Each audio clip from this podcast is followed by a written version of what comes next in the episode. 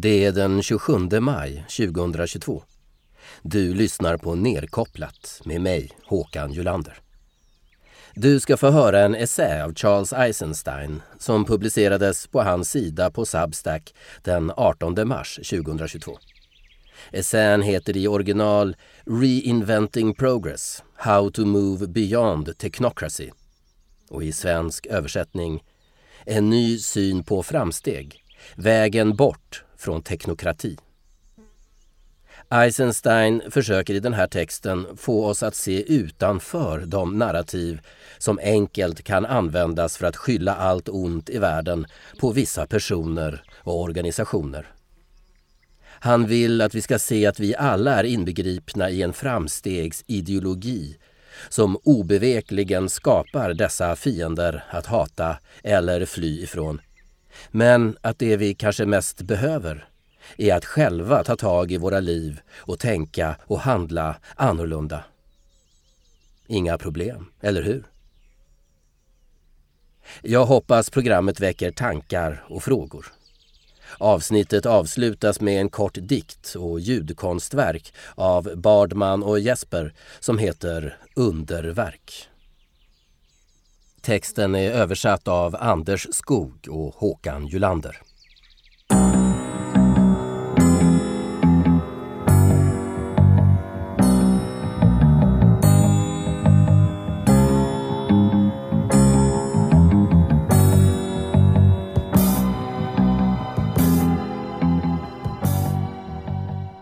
Under orostider är samhället som mest sårbart för att påverkas av sådana som försåtligen ska leda oss rätt. Vi kan kalla dem falska meningsskapare. De kommer med enkla förklaringar till det kaos och de komplicerade förhållanden som formar våra liv. De förklarar vad som är verkligt, vad som är viktigt och vem som är god och vem som är ond. De erbjuder en samlad berättelse och logiska förklaringar för att få ordning på en svårtolkad verklighet. I konflikter finns falska meningsskapare på alla sidor. Olika förklaringsnarrativ ställs mot varandra och skapar vad vi idag känner igen som narrativ krigföring. En vanlig strategi är att först identifiera en fiende och sen skuldbelägga den för allt. Geopolitiskt kan det betyda att negligera all kontext och historia för att istället lägga skulden på Saddam Hussein, Bashar al-Assad, Nicolás Maduro eller, som nu senast, Vladimir Putin. På samma sätt kan man skuldbelägga hela grupper av människor för gemensamma sociala problem såsom invandrare, ryssar, vita, svarta, män, muslimer, israeler och så vidare. När det gäller ekonomi kan man skylla på Bill Gates, oligarker, Federal Reserve eller World Economic Forum. När det gäller den ekologiska krisen komprimeras allt till att handla om växthusgasers påverkan på klimatet.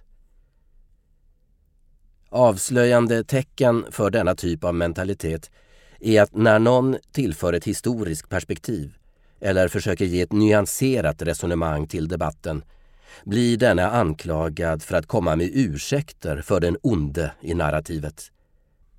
Att utgå från att en karaktär i berättelsenarrativet står för det onda gör det lätt att vildsint slå ifrån sig allt som kan urholka den färdiga världsbilden. Vem är det då som drar i trådarna för att förhindra folket från verklig makt? Den mest lockande och enkla förklaringen i dessa oroliga tider är den om en ond konspiration som styr politiker, manipulerar den finansiella marknaden och med ingenjörsmässig precision framkallar epidemier och krig. Allt delar i en större plan för totalt världsherravälde Världens kaos reduceras till den enkla förklaringen att den dolda handen styr. Jag ifrågasätter den här typen av förenklande på grund av det de inte tar upp. Det kan förvisso vara så det ligger till. Men det finns större krafter som har oss i sin makt och som ligger bortom våra medvetna handlingar. De vilar i myternas rike och de inbegriper oss själva. Jag vill därför berätta en alternativ historia för att bättre kunna begripa Klaus Schwab, Bill Gates och den finansteknokratiska eliten. Den historia jag ska berätta har en nackdel. Den tar bort hatet som bränsle. Men det positiva uppväger den uppoffringen. Vi kan sluta strida mot väderkvarnar. Vi kan blicka bortom ett lockande narrativ med tydliga skurkar till att istället finna de myter och ideologier som skapat dem. Därifrån kan en ny berättelse börja. Låt oss utforska följande fråga. Under vilka trosuppfattningar skulle de beslut som fattas av Gates, Schwab och övriga inom den teknofinansiella eliten framstå som goda, rätta och nödvändiga? Hur ser de på sig själva och sin roll i historien? Jag ska så gott jag kan förklara vilket narrativ de mer eller mindre medvetet följer. Jag kallar det framstegets ideologi. Här följer några av de regler och narrativ som stöder framstegets ideologi och som förklarar de beslut som fattas av den teknokratiska eliten. Tack vare vetenskap, förnuft och teknologi leder den mänskliga utvecklingen oss mot bättre hälsa, välstånd, säkerhet och harmoniska samhällen. Vi kan skapa samhälleliga förbättringar genom att sprida våra modeller för förnuft, forskning och teknologi till delar av världen och aspekter av livet som ännu inte dragit nytta av dem. Till exempel kan vi öka internets räckvidd, modernisera läkekonsten, teknikanpassa, införa juridisk äganderätt och vetenskapligt förnuftsbaserade styrelsesätt till de delar av världen som ännu inte är helt moderniserade. Vi kan också utöka teknologin till att omfatta den mänskliga kroppen, sammansmälta neuroner med datorer designa vårt eget DNA och integrera våra kroppar med nanoteknologi. På liknande sätt kan vi styra samhället mer rationellt genom att samla in mer data om mänsklig aktivitet och sedan använda den datan till att kontrollera dessa aktiviteter för att bäst gagna samhället. I fel händer skulle denna makt kunna bli skadlig för samhället. Men lyckligtvis har makten tillkommit oss intelligenta och rationella människor genom meritbaserade akademiska och ekonomiska sållningssystem. Vi kommer garanterat använda vår maktposition till mänsklighetens bästa. Vi måste skydda framstegsprocessen mot teknikfientliga luditer, vetenskapsförnekare och nejsägare. De förstår inte hur vår ökade kontroll över världen oundvikligen kommer leda till mer nytta för mänskligheten. De är ett hot som måste stoppas, givetvis med så humana metoder som möjligt. Förhoppningsvis kan vi genom utbildning och informationskontroll se till att majoriteten förstår nyttan med ett vetenskapligt och rationellt styrelseskick. Ibland kan det hända att ny teknologi inte fungerar optimalt. Vi måste se till att dessa tillfälliga brister inte minskar befolkningens tilltro till teknologiska framsteg. Därför måste vi, om en teknologi som till exempel mRNA-vaccin inte fungerar som den ska till en början, dölja dess skadeverkningar. Eftersom det på längre sikt kommer vara till godo för mänskligheten. Människor måste för deras eget bästa skyddas från information som kan misstolkas. De har inte de vetenskapliga och tekniska kunskaper som behövs för att förstå hur viktigt och svårt vårt arbete är. Vi måste därför ha kontroll över all information. Det finns inga gränser för vad vi i framtiden kan åstadkomma med kraften hos vetenskap, förnuft och teknologi. Genom övergripande tillsyn och förebyggande isolering av personer som kan skada andra kan vi utrota brottsligheten. Med en centralstyrd digital valuta kan vi kontrollera alla finansiella transaktioner och göra skattefusk omöjligt, främja social jämlikhet och se till att människor endast kan använda pengar på bra sätt. Genom att kontrollera social media och internet kan vi hindra spridning av skadligt innehåll och vilseledande information. Med noggranna metoder för jäsning och automatiserade hydroponiska fabriker ska vi framställa mat utan påverkan på miljön. Med robotik och artificiell intelligens ska vi befria mänskligheten från slitsamt och monotont arbete och ge henne ett digitalt sagoland. Med genetisk ingenjörskonst ska vi utrota skadedjur och smittsamma sjukdomar och modifiera nya växter som kan binda kol och producera nya läkemedel. Med geoteknik ska vi optimera vädret på hela planeten och upphäva klimatförändringarna. Genom ständig kontakt och positionsspårning och fysisk övervakning ska vi stoppa pandemier innan de bryter ut. Med nanorobotar och genetisk medicin ska vi övervinna sjukdomar. Med precis styrning av neurokemi ska vi utrota psykiska sjukdomar och känslomässigt lidande. Med integration mellan dator och hjärna kan vi till och med övervinna döden själv. Alla dessa utvecklingar inbegriper nya varor och tjänster som kommer göra det möjligt för ekonomin att växa för evigt. Det finns mycket pengar att tjäna på att främja dessa teknologier som i slutänden kommer verka för mänsklighetens bästa. Samhället belönar rikt de som gör mest för att mänskligheten ska utöka sin dominans över den materiella världen, både här på jorden och en dag bortom den. Till sist, den kanske viktigaste punkten av dem alla i denna ideologi. Ofrånkomlighet. Det finns givetvis faror med alla framskjutna teknologier som låter oss kontrollera vår natur, gener, mänskliga aktiviteter och till och med hur vi tänker. Men vad vi än tycker om detta är de här teknologierna ofrånkomliga.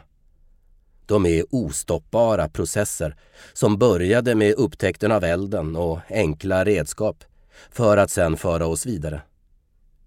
Vi har inget annat val än att förbereda oss för den framtid som vetenskap och teknologi kommer ge oss.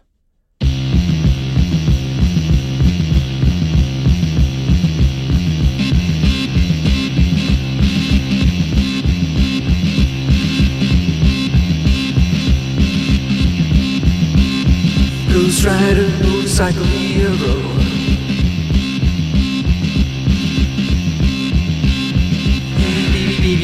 She's a looking so cute. Sneaking round, round, round in a blue jumpsuit.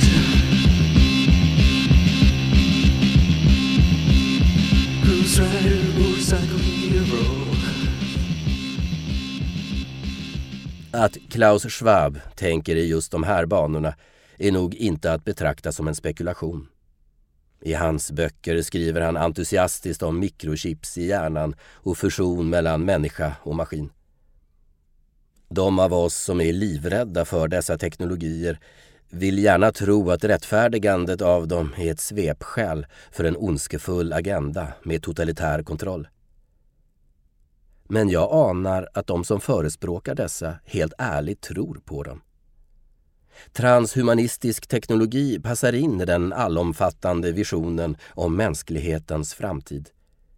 Det är grunden i den enhetliga mytologi som beskriver mänsklighetens ursprung och dess förutbestämda framtid. Jag menar inte att det inte finns några ondskefulla, hänsynslösa och psykopatiska människor. I själva verket hjälper det nuvarande systemet dessa kontrollfreaks att ta sig till toppen. De är själva symptomen på systemet och dess ideologi. Om det inte funnits skulle psykopaterna inte ha någon makt. Detta är i sin tur en följd av hur många av oss som väljer att vara delaktiga i systemet. Om vi ska hitta en annan väg, om vi ska omformulera den moderna mytologin, kan vi inte bara göra motstånd mot det teknototalitära programmet. Vi måste erbjuda en annan föreställning om vad framsteg är. Vilket kräver en annan berättelse om vårt ursprung, vår uppgift och mål. Det vilar i sin tur på en annan förståelse om vår plats i universum. Och även vad universum är, vad som är verkligt, hur allt fungerar. De kontrollideologier som har makt över oss går inte att angripa om vi bekräftar att universum är ett själlöst, självstyrande system som inte innefattar någon annan intelligens eller medvetande, förutom vår. För i sådana fall är det självklart att vi måste dela med oss av vår intelligens till den värld utanför oss som inte har någon.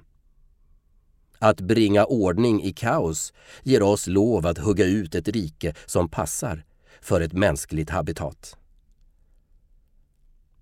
Med tanke på att rötterna till det teknokratiska systemet är så djupa är det i bästa fall en tillfällig lösning att angripa vissa tekniker och personerna bakom dem. Uppdraget vi har framför oss är mycket större. Vi måste anamma en ny och uråldrig mytologi. Den reduktionism som komprimerar komplexa problem till enkla narrativ har en djup samhörighet med den vetenskapliga reduktionism som är själva hjärtat i den teknokratiska agendan. Kontrollteknologier är främst beroende av data. Att översätta och reducera världen till siffror, symboler och bitar av information. Uppmätta och katalogiserade på rätt sätt kan dessa fragment av verkligheten senare anpassas till den bild av verkligheten kontrollmakten skapat. I vetenskapligt tänkande när någonting händer är det för att en kraft orsakat det att hända. Händelser uppstår inte utan orsak. Om man för över det till mänskliga relationer säger samma tanke att det alltid måste finnas någon att skylla på. De här vetenskapliga uppfattningarna är idag förlegade. Studier av fenomen inom kvantfysiken som icke-kausalitet och att observatören inte är frikopplad från det observerade följt av de fenomen som framkommit inom systemteori borde tagit död på det högmod att vi en dag ska uppnå perfekt kunskap och ha perfekt kontroll.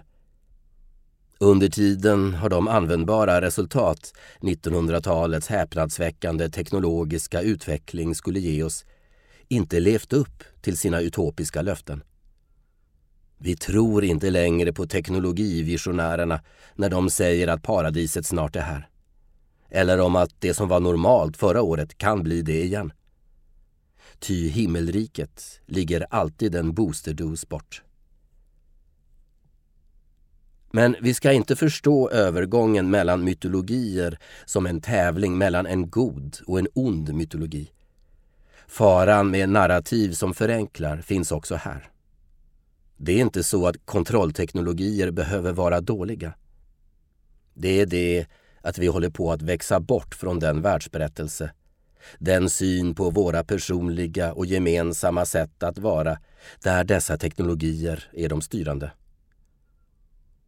Medan vi anpassar oss till hur vi kan använda dem och var vi ska dra gränserna för deras inflytande kommer vi finna andra föreställningar om vad framsteg är, vad syftet med att vara människa är och vad som är på riktigt och vad som är möjligt.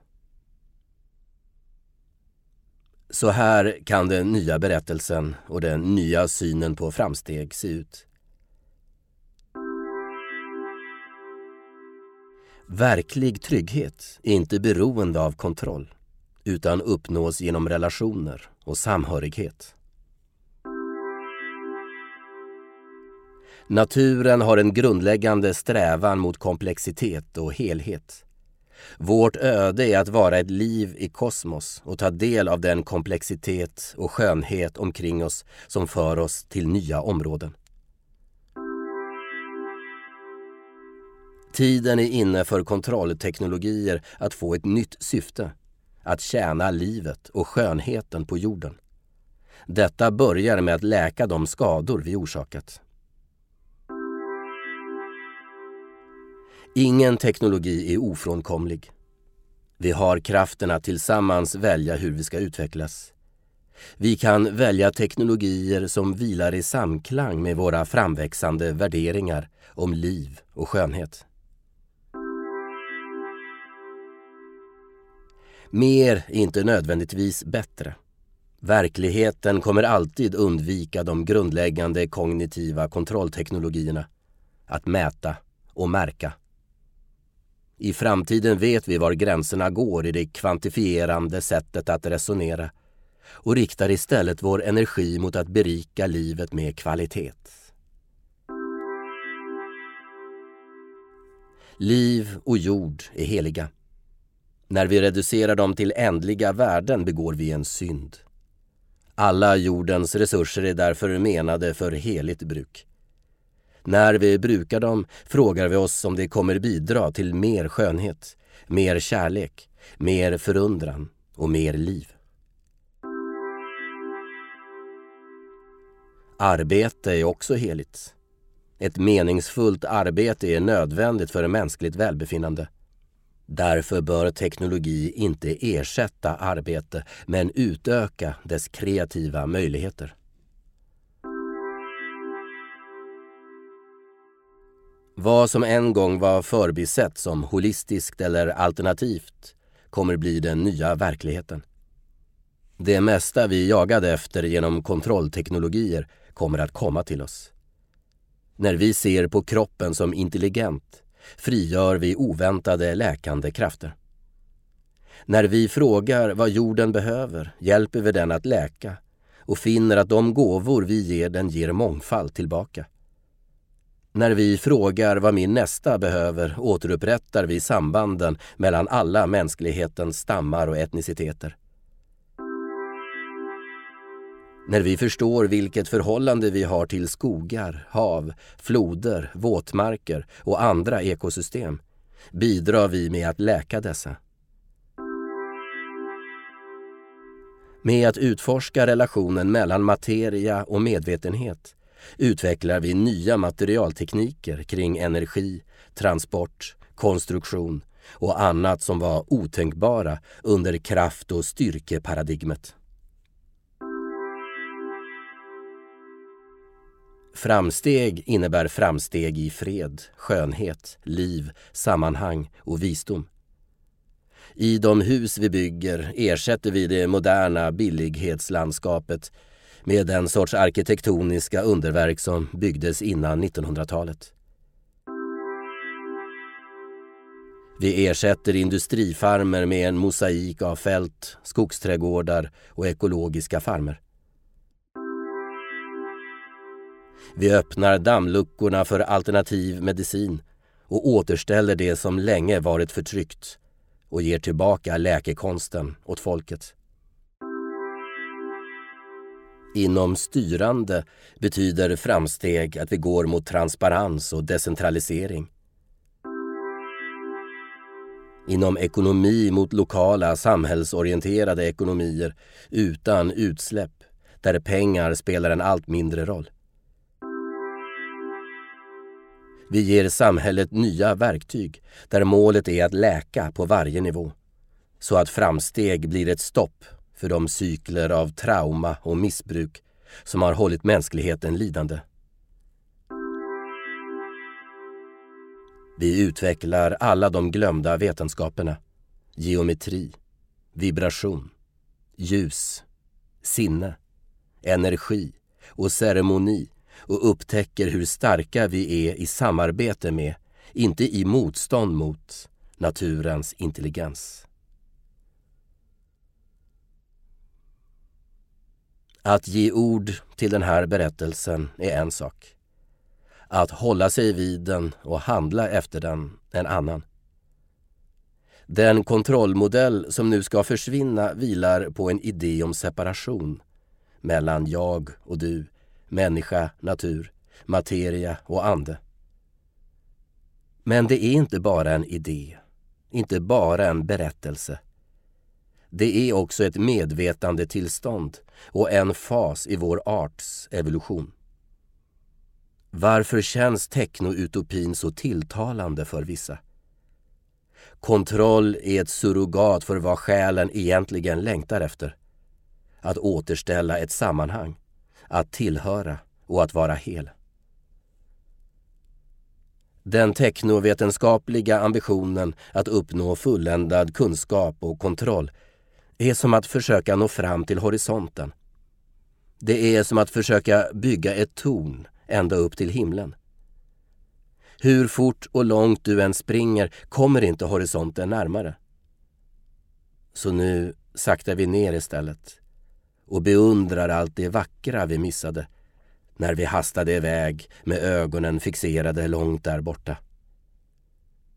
Och istället för att bygga så högt som möjligt bygger vi så vackert som möjligt för att skapa nya underverk som förstärker de underverk som redan finns överallt omkring oss.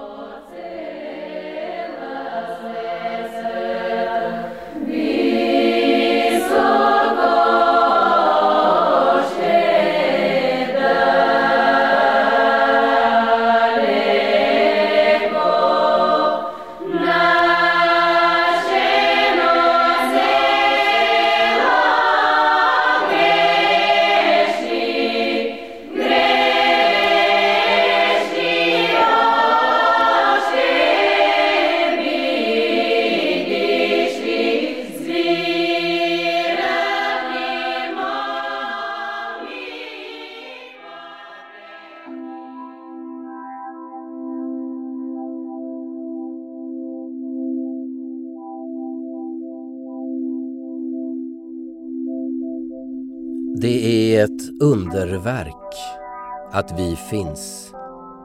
Att vi fortsätter finnas efter att vi funnits och innan vi fanns.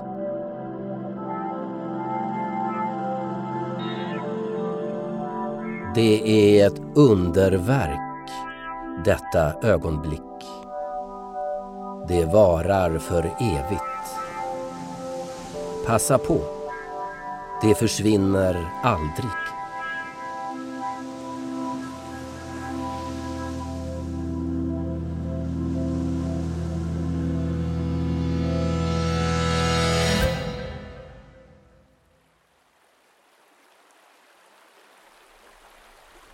Du har lyssnat på Nerkopplat. En analog andningspaus i ett digitalt diskbrock. Musik i programmet var Ghost Rider med Suicide och Mesechinko Liogrelivko, Kärlekssång från bergen med Les Voix Mystères de bulgares, de mystiska rösterna från Bulgarien. Dikten Underverk är skriven av Bardman. Programmet är mastrat och ljudlagt av Jesper Jäderqvist. Har du åsikter och tankar om vad som sägs i Nerkopplat? Koppla gärna upp dem i appen Telegram där Nedkopplat nu finns. Nedkopplat är en del av Folkets Radio. Stöd gärna Nedkopplat med en pengagåva på Swish. Numret är 123 647 0694. Gå med Gaia och så hörs vi nästa gång.